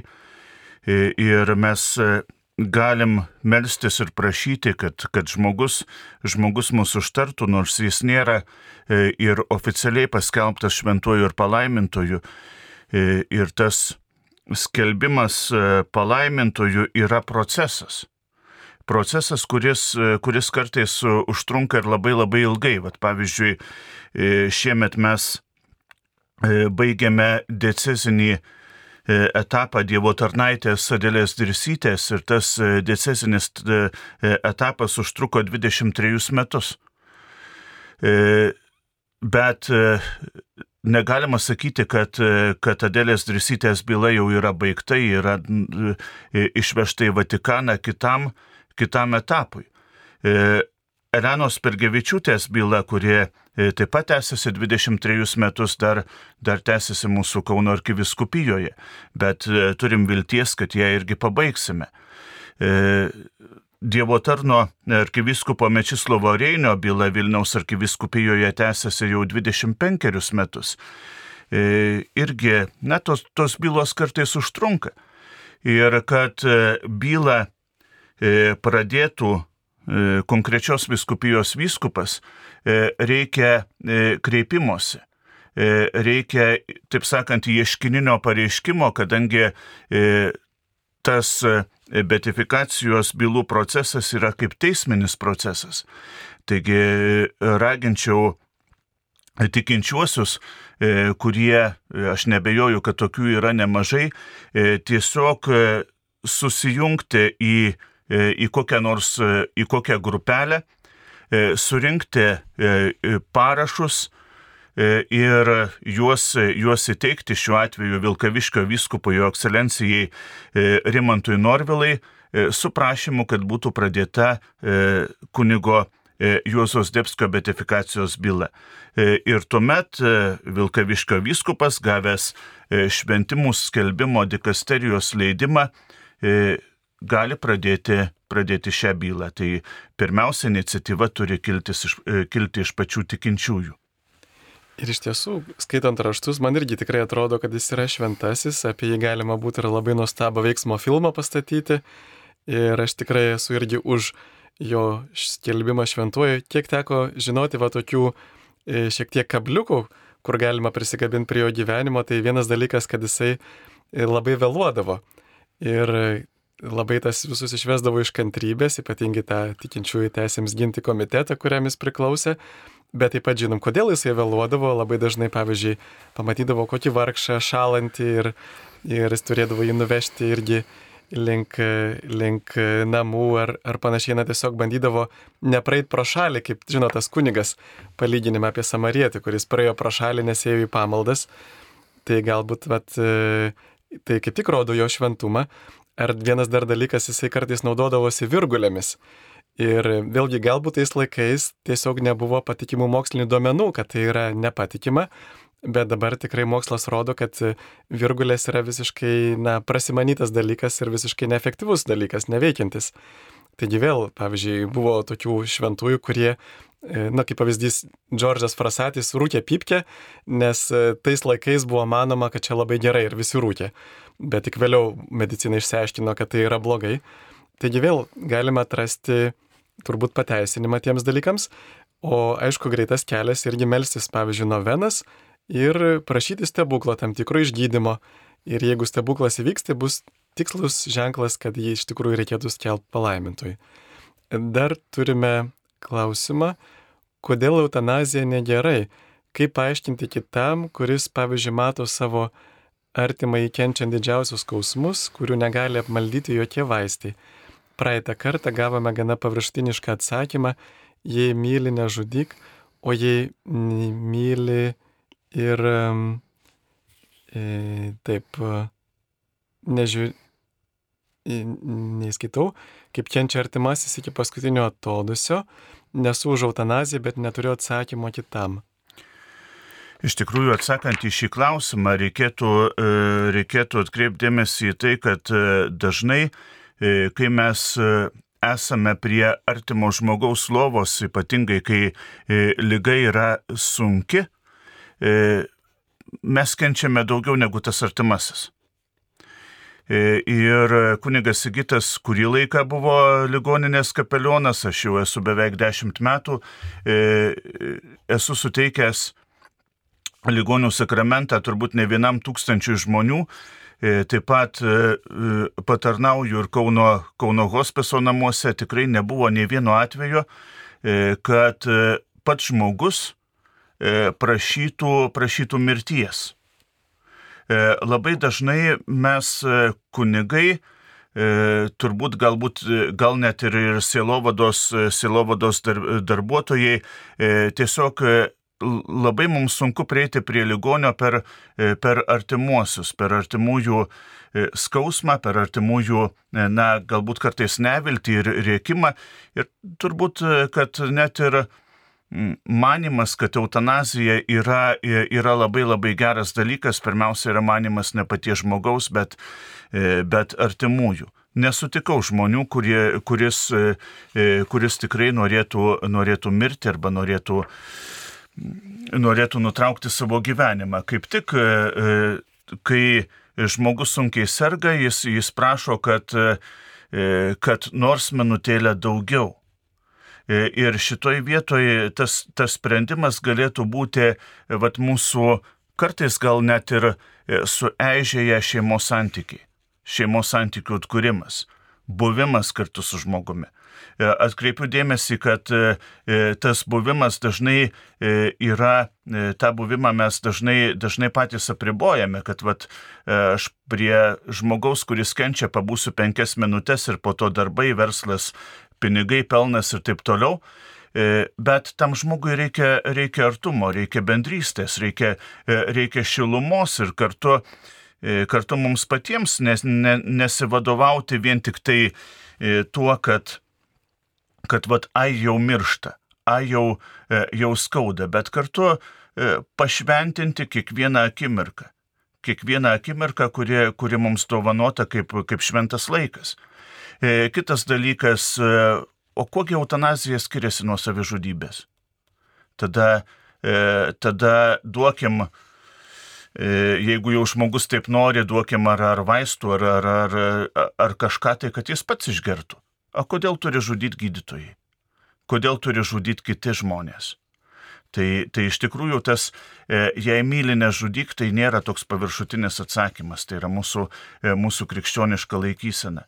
Kartais taip, e, mes, mes galbūt jaučiamės vieni, nesuprastinės, nes mūsų, mūsų visuomenė, mūsų pasaulis yra jau pavažiavę, taip sakant, šitam, E, šitam reikale ir mes e, kartais atrodo, kad mes esame atsiliekantis, e, bet iš tikrųjų Dievas, Dievas ir duoda mums šventuosius kaip pavyzdį, kur mes, mes galėtumėm jų kabintis.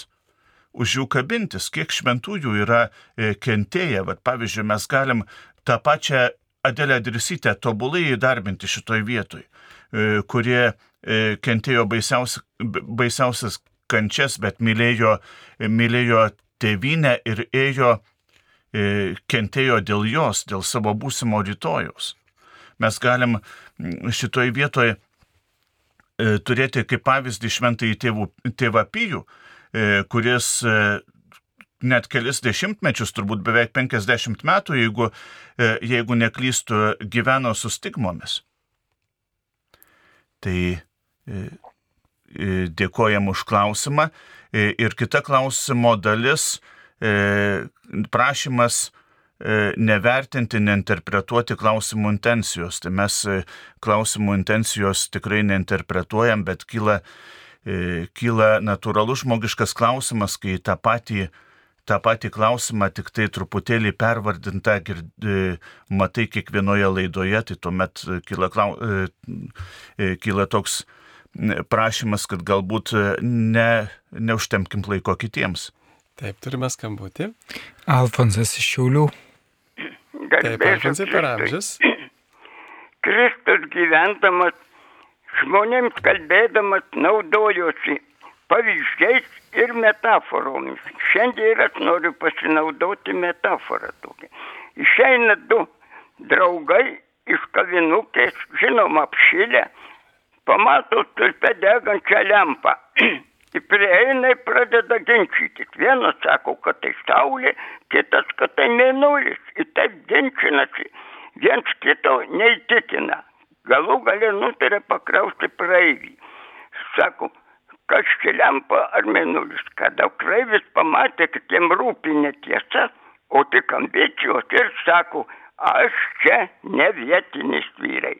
Taigi šiandien mes, kada klausom apie sinodą ir melžiamės už jį, mes irgi Kristus, kaip jis sakė, būkite viena. Tai kaip mes galim būti viena, jeigu mes, kaip girdime popiežius, sako, kad paliksime visi vėl prie tos užkilusios geldos. Kitaip sakant, netiesos ieškome, o vėl liekame tik tai savo tiesose, atskirose bažnyčiose. Aš taip įsivaizduoju. Taip, ačiū Jums už komentarą. Dar štai, dar turėjome dar antrą dalį klausimą ir aš dar norėjau pridėti apie eutanaziją, kad e, kai žinai dėl ko iškentėti, gali pakelti bet kokį kaip, jeigu turi prasme ir Jėzus būtent ir įprasmina ir mergelė Marija prašo tą kančią paukoti už nusidėlio atsivertimą, tai koks džiaugsmas, kad galime kažkam padėti būti išgelbėtiems nuo amžinos kančios. Ir taip pat rami kančia nėra kančia, kaip sako Arso klebonas, taigi jeigu mes priimam Dievo ramybę, mums jį padeda ištverti kančias. Ir žinome, kad e, jeigu eutanazija būna įteisinama, o aišku einama link to, nes e, žmonėje, kadangi turim per mažai vaikų, mūsų vakarų Europoje tiesiog tampa valstybės nepajėgios ekonomiškai išlaikyti senų žmonių ir jie tikrai eis link to, kad e, būtų įteisinta eutanazija, bet tuomet atsistojama ant slidaus šlaito, nes jeigu galime, na pavyzdžiui, e, štai tokioje situacijoje, tai kodėl negalim šiek tiek dar e, ankstesnėje situacijoje, pavyzdžiui, kodėl negalim vaikams duoti ir taip toliau. Ir Belgijoje žmonės net seneliai stengiasi nepatekti į senelių namus Belgijoje, bet kur eutanazija įteisinta, nes jie bijo, kad jiems prieš jų valią neatliktų eutanazijos. Ir čia, kur išeitis galėtų būti, tai atsisakyti užsispyrėliško gydimo, nes pavyzdžiui Lietuvoje e, yra įpareigoti gydytojai truks plyš jį gydyti iki paskutinės akimirkos, net jeigu ir nėra šansų pasveikti. Ir tokiu atveju žmogui pratesiama kančia. Aš, pavyzdžiui, pažinau moterį, kuri 80 susirgo kraujo vėžiu, jai pratęsė gydimais gyvenimą dar 10 metų, bet vaistai buvo tokie, kad jai iš tikrųjų pratęsė 10 metų labai didelės kančias. Tai galbūt irgi yra tas grėbimas su šiaudo, vat, nu, tas netikėjimas amžinuoju gyvenimu, ne, neleidžiama žmogui ramiai iškeliauti. Tai vad atsisakyti už spirališko gydimo, kada nėra šansų ir taip, kad žmogus pasveiks. Arba, pavyzdžiui, yra tokie šiuolaikiniai vaistai, pavyzdžiui, morfijos, tokie preparatai, kurie e, visą laiką suleidžia labai pamažą dozę ir pastoviai leidžia morfijų, bet labai labai mažom dozėm. Ir tai nesukelia halucinacijų, bet panaikina fizinę kančią. Tai va tikrai yra technologinių sprendimų, tam nereikėtų skubėti. Eutanazijos dar turime skambutį. Paskambino Aldona iš Kauno. Taip, Aldona, klausome. Labadiena. Labadiena. Ir garbė Jėzui taip pat. Sakykite, pirmiausia, noriu pasidžiaugti, kad Marijos radija nuo pat pradžių pradžios, kada tik tai prakalbote, labai stigojo net muzikinių įrašų, kurių kažkaip tai mes klasikinės muzikos mėgėjai pašelpėm. O dabar didelis rūpestis yra, kad ir Marijos radijoje būna, tiesa, dabar pagerėjus laida ir muzikinė dalis žinoma, muzika sakra laida nuostabi. Kodėl negalite, bent jau jūs jau valstybinis radijas nesugeba ES šalių, yra daug krikščioniškų šalių ir nepaprastai geros ir mūsų kultūra artimos muzikos paįvairinti kiek tik kur įmanoma. Ar jie brangiau kainuoja tie įrašai, ar kažkas juridiškai ne, nesuteina. Didelis prašymas būtų paįvairinti muziką, nekalbantį ne vien italų ir prancūzų, tiesiog malonu girdėti bent jau kitą žodinį skambesi. Nes dabartinė visa muzikėlė, kad ir vat, grupės, kurios religinė tema atliekama, nu, žodelį tokia skurda. Jau kaip poetui kunigui papirutė tikrai, tikriausiai irgi nepagarba. Ačiū, Ačiū už paraginimą, dėkojame. Taip, iš tikrųjų tiesiog Lietuvoje atlikėjam yra labai brangu įrašyti, pavyzdžiui, kainuoja 5000 eurų įrašyti albumą, ne kiekvienas gali ir trūksta tokio palaikymo. Ir labai yra, trūksta įrašų tikrai bent jau lietuviškų, bet užsienio tai tikrai stengiamės ir tikrai išklausysim jūsų e, pagėdavimą. Kaip vaikui paaiškinti, kodėl reikia lankyti kapus, dėkoju už svarbią laidą. Taip. Maničiau, kad e, pirmiausia tai yra pagarba, pagarba išėjusiems, pagarba tiems, kurie, e, kurie buvo. Tai e, iš tikrųjų vaiką pirmiausia atvesdami į kapines mes, mes mokome vertybių, mes mokom e, pagarbos savo praeičiai, mes mokom pagarbos, pagarbos savo šaknims.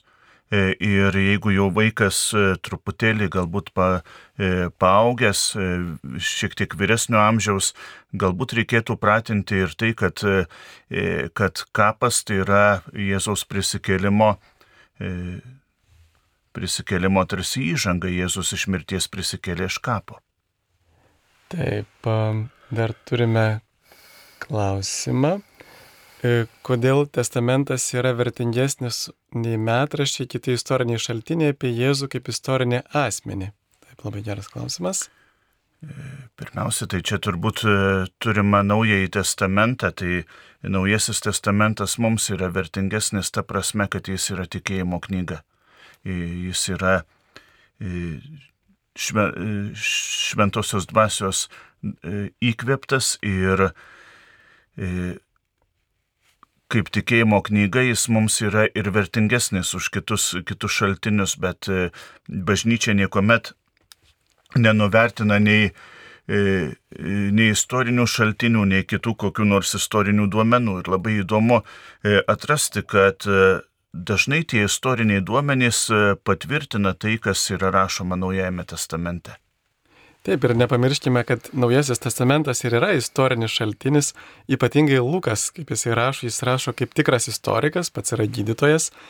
Ir tarp visų šaltinių, kurie kalba apie Jėzų Kristų, į naują, į naują testamentą būtent ir buvo surinkti patys pagrindiniai istoriniai šaltiniai, e, būtent Jėzaus savo akimis e, mačiusių liudytojų pasakojimai arba jų mokinių E, jų artimų mokinių pasakojimai. Kitaip sakant, Naujasis testamentas ir yra ypatingai Evangelijos ir yra pačių pačių artimiausių ir patikimiausių istorinių šaltinių rinkinys. Bet aišku, tie žmonės, kurie matė tai ir jie matė tuos visus stebuklus, jie negalėjo netikėti.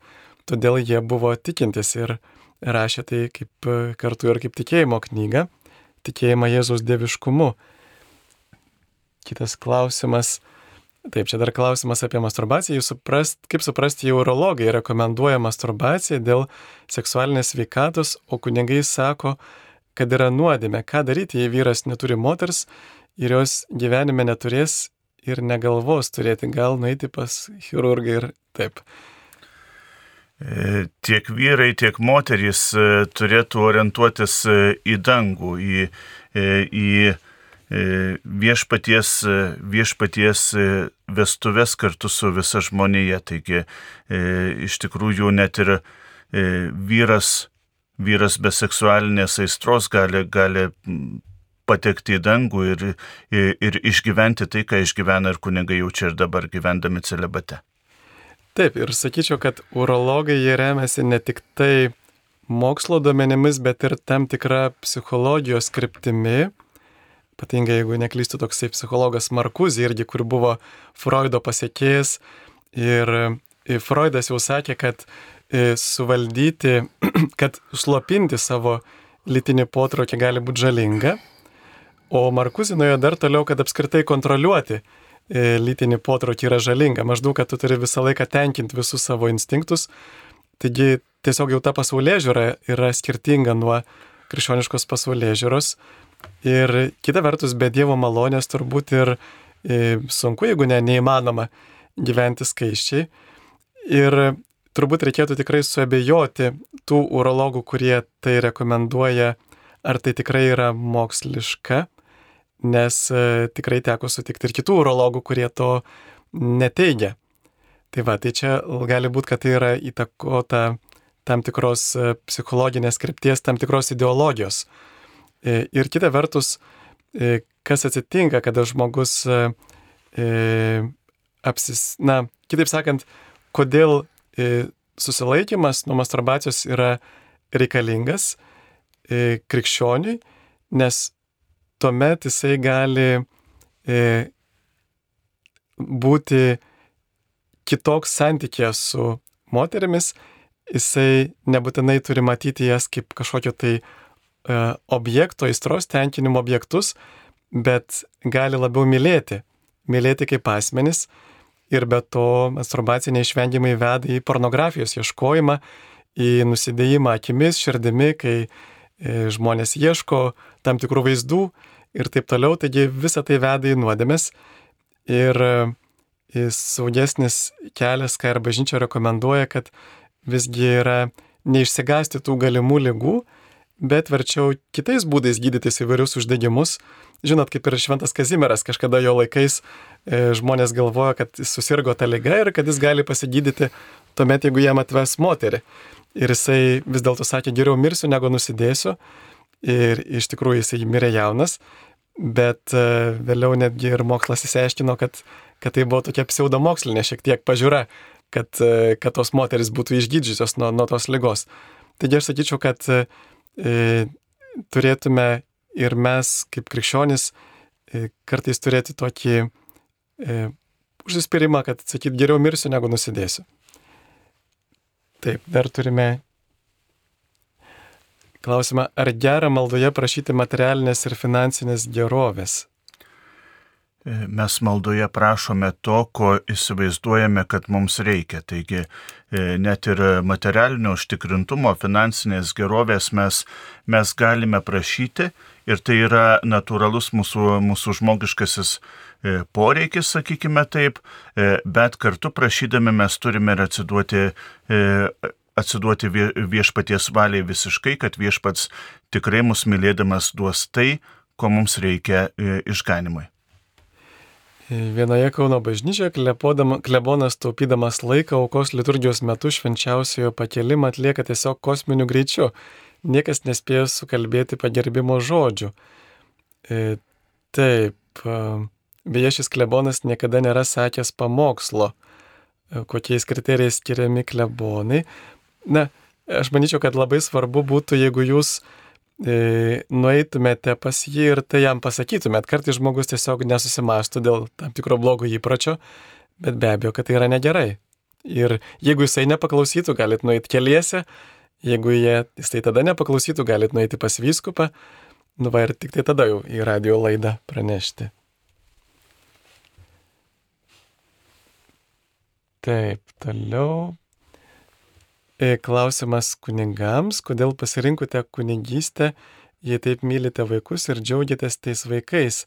Gal jūsų pašaukimas buvo šeima ir turėti savo vaikų, o jūs kunigai savo tą pašaukimą paminėte papadu ir pasirinkote gyvenimą su Dievu be moters. Na, iš tikrųjų apie, apie pašaukimą tai turėtų kalbėti tie patys žmonės, E, kurie yra pašaukti ar šeimos gyvenimui, ar, e, ar kunigystėj ir tikrai mes klaidingai, e, klaidingai darome, kai bandome nuspręsti už kitus žmonės. Nei, nei aš, nei, nei kunigas Sigitas turbūt paprastai žodžiais nepaaiškins viešpaties vedimo. E, viešpats e, veda vienus į šeimą, kitus, e, kitus į kunigystę ir mes tikrai, tikrai nepaaiškinsime, kaip jisai veda. Taip, iš tikrųjų, man tai buvo didelė auka neturėti vaikų, neturėti žmonos. Tai buvo mano gyvenimo svajonė prieš tai, prieš atrandant pašaukimą, bet kartu jaučiau, kad aš negaliu pasakyti Dievui ne, jeigu Dievas kviečia. Ir kartu matau, kad iš tikrųjų tai duoda tam tikros laisvės, tiek išorinės, nuo rūpeščių, tiek vidinės ir tu gali labiau atsidėti, pasišvesti. Tam taigi, manau, kad yra prasmingo, o daryti gerą mes visą laiką galime visiems, kiek tik tai turime noro, jėgų, dar turime skambutį. Genė iš Vilniaus rajono. Taip, genė klausome. Garbė Jėzui Kristui.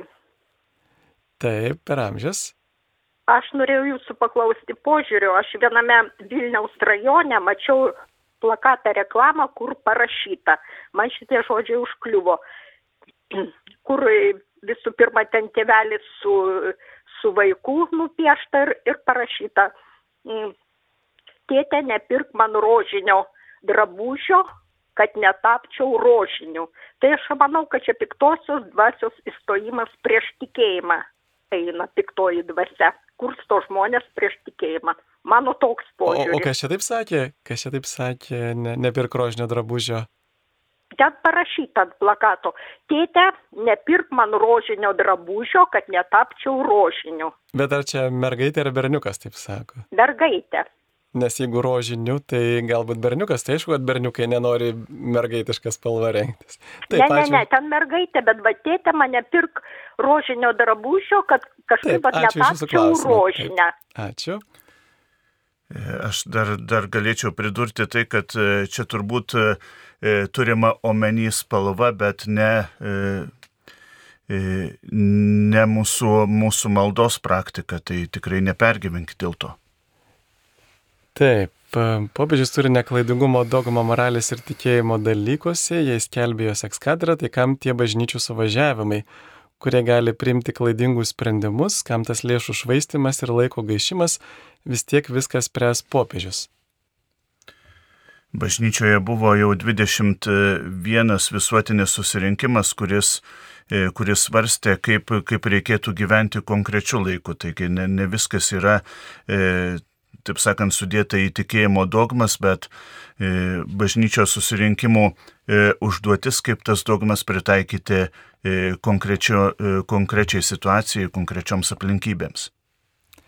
Taip, ir popiežius nesako, kad susirinkimas yra demokratinis parlamentas, bet sako, kad tai padeda viskupams labiau įsiklausyti į šventąją dvasę, kalbančią ir per kiekvieną žmogų pasaulietį ir priimti sprendimus jiems duota gale. Tai, tai nėra laiko gaišimas, tai yra įsiklausimas ir e, na, bandymas eiti į dialogą, kaip popiežius ir meldžiasi šio mėnesio maldos intencijai.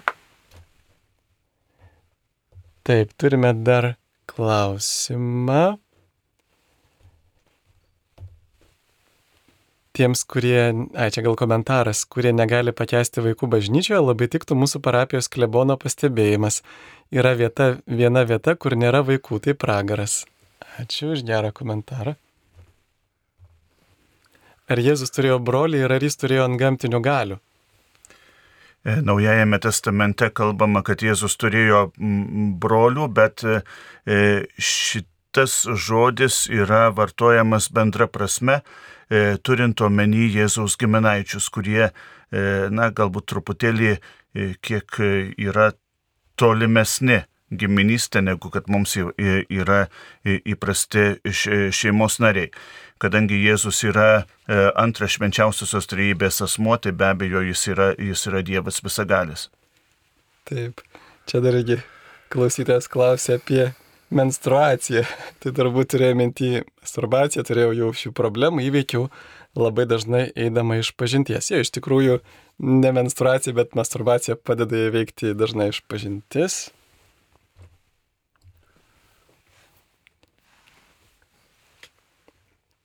Pagal kunigų mąstyseną tikėtina, jog ir kino teatruose, ir spektakliuose irgi galima vaikams dykti ir triukšmauti, bet taip nėra, nes yra pagarba ir drausmė. Mhm, kaip Na, Čia pasakytume, šitą klausimą turbūt kažkokia pasipiktinusi klausytoja e, užduoda ir ji nori, nori, kad būtų atsižvelgiama į, ir jų nuomonę. Be abejo, e, koncertuose ir, ir, e, ir teatruose, ir kino teatruose yra tam tikri dalykai, bet atkreipkite dėmesį, kad yra ir vaikų e, vaikų spektakliukai, vaikų koncertėliai. E, Vaikai patys koncertuoja ir, ir, ir mokyklose, ir tėveliams koncer, koncertuoja. E, Ir yra netgi ir, ir, ir vaikų teatriukai. E, Tie patys mūsų e, nostalgiški animaciniai filmukai, jie skirti vaikams. Tai, e, tai irgi e, nereikia manyti, kad vaikus mes turim tik tai atstuminėti. E, Bet dar kartą pasikartosiu, kad kad vaikus mes turime integruoti į visuomenę taip, kad jie suprastų, suprastų visuomen, visuomeninius dalykus, jiems skirta kalba ir jų, jų, jų suvokimo. Anksčiau dar buvo toks pastebėjimas, kad aš ne, ne visai esu įsigilinęs į gerojo ganytojo katechezę, tai e, turėjau, e, turėjau minti e, žodį žaidimas, tai yra vaikams suprantama kalba, perteikimas tikėjimo tiesų.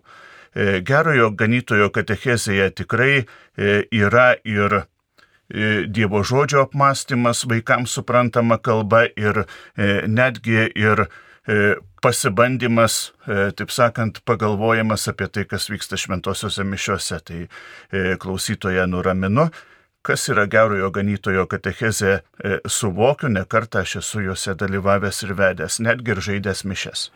Ačiū. Vidutiniškai kokio didžio auką žmonėms palieka ligonių namuose apsilankiusiam kunigui? E, atsakysiu e, asmeniškai, niekada už ligonio aplankymą neįimu jokios aukos. Taip, paprastai kunigai yra linkę neimti aukų iš ligonių, nes vis tiek jiems reikia ir, ir pinigų vaistams, ir tai taip. Ačiū, kunigė, gerai, kad paminėjote gerojo ganyto katechezės metu. Vaikai dirba patalpoje esančiam tam tikrom paruoštomis priemonėmis. Montesori jų veiklos nevadino žaidimu, vaikai jau nuo 2,5 metų kviečiami džiugiai tyloje susitikti su gyvoju Jėzumi, gerbti šalia esantį nurimti. E, taip neįtikėtina, kaip jautriai vaikai geba išgirsti Dievo žodį, jį priimti į širdį, kaip dega jų akis, skaitant gerojo ganytojo palyginimą. Ačiū. Pasirodo, kai kas girdi ir ką norėjau pasakyti. Taip.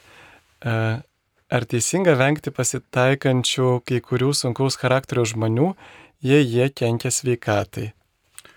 Na, aš manau, kad e, e, svarbiausia, kad e, tų žmonių nelaikytumėm piktuoju, nepiktumėm ant jų, o e, padaryti kokį nors lanką arba patylėti, kai jie kalba, tai, e, tai tikrai nėra taip, e, nėra taip blogai, kaip sakoma, tyla gera byla. Koksai bažnyčios požiūris į dirbtinį apvaisinimą, kur moteris galėtų pasirinkti vyro sėklą, nes juk negabaus vyro, negabus ir vaikai bus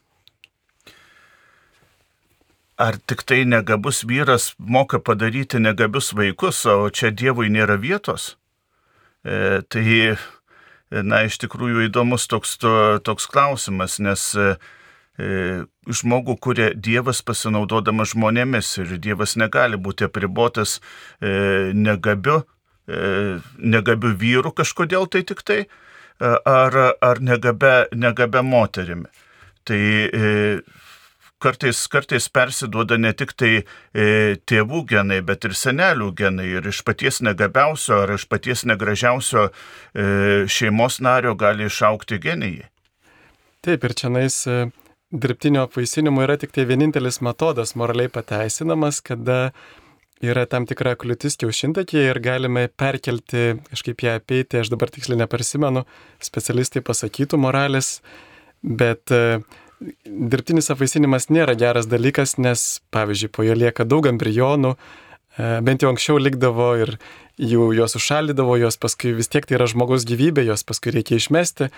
Ir e, daug geresnis sprendimas būtų paprasčiausiai įsivaikinti arba naudotis yra tokios napro technologijos, kurios labiau galbūt Lenkijoje išvystytos, bet yra ir Lietuvoje, kur bando pašalinti visas kliūtis vaisingumui, atrasti visas priežastis nevaisingumo ir taip toliau. Arba, pavyzdžiui, gyvybės langelyje galima skatinti žmonės, kad daugiau paliktų, nes tikrai yra nors pilni vaik, namų, vaikų namai yra vaikų, bet tenais yra vaikai, kurie paprastai arba yra lygoti, jų nieks nenori įsivaikinti, arba jie vyresnio amžiaus yra patekę iš probleminių šeimų, turi blogą charakterį, bet tokių vaikelių, kurie būtų kūdikėliai, jų yra be galo didžiulis trūkumas. Arba naudotis yra tokios napro technologijos, kurios labiau galbūt Lenkijoje išvystytos, bet yra ir Lietuvoje, kur bando pašalinti visas kliūtis vaisingumui, atrasti visas priežastis nevaisingumo ir taip toliau. Arba, pavyzdžiui, gyvybės langelyje galima skatinti žmonės, kad daugiau paliktų, nes tikrai yra nors pilni vaik, namų, vaikų namai yra vaikų, bet tenais yra vaikai, kurie paprastai arba yra lygoti, jų nieks nenori įsivaikinti, arba jie vyresnio amžiaus yra patekę iš probleminių šeimų, turi blogą charakterį.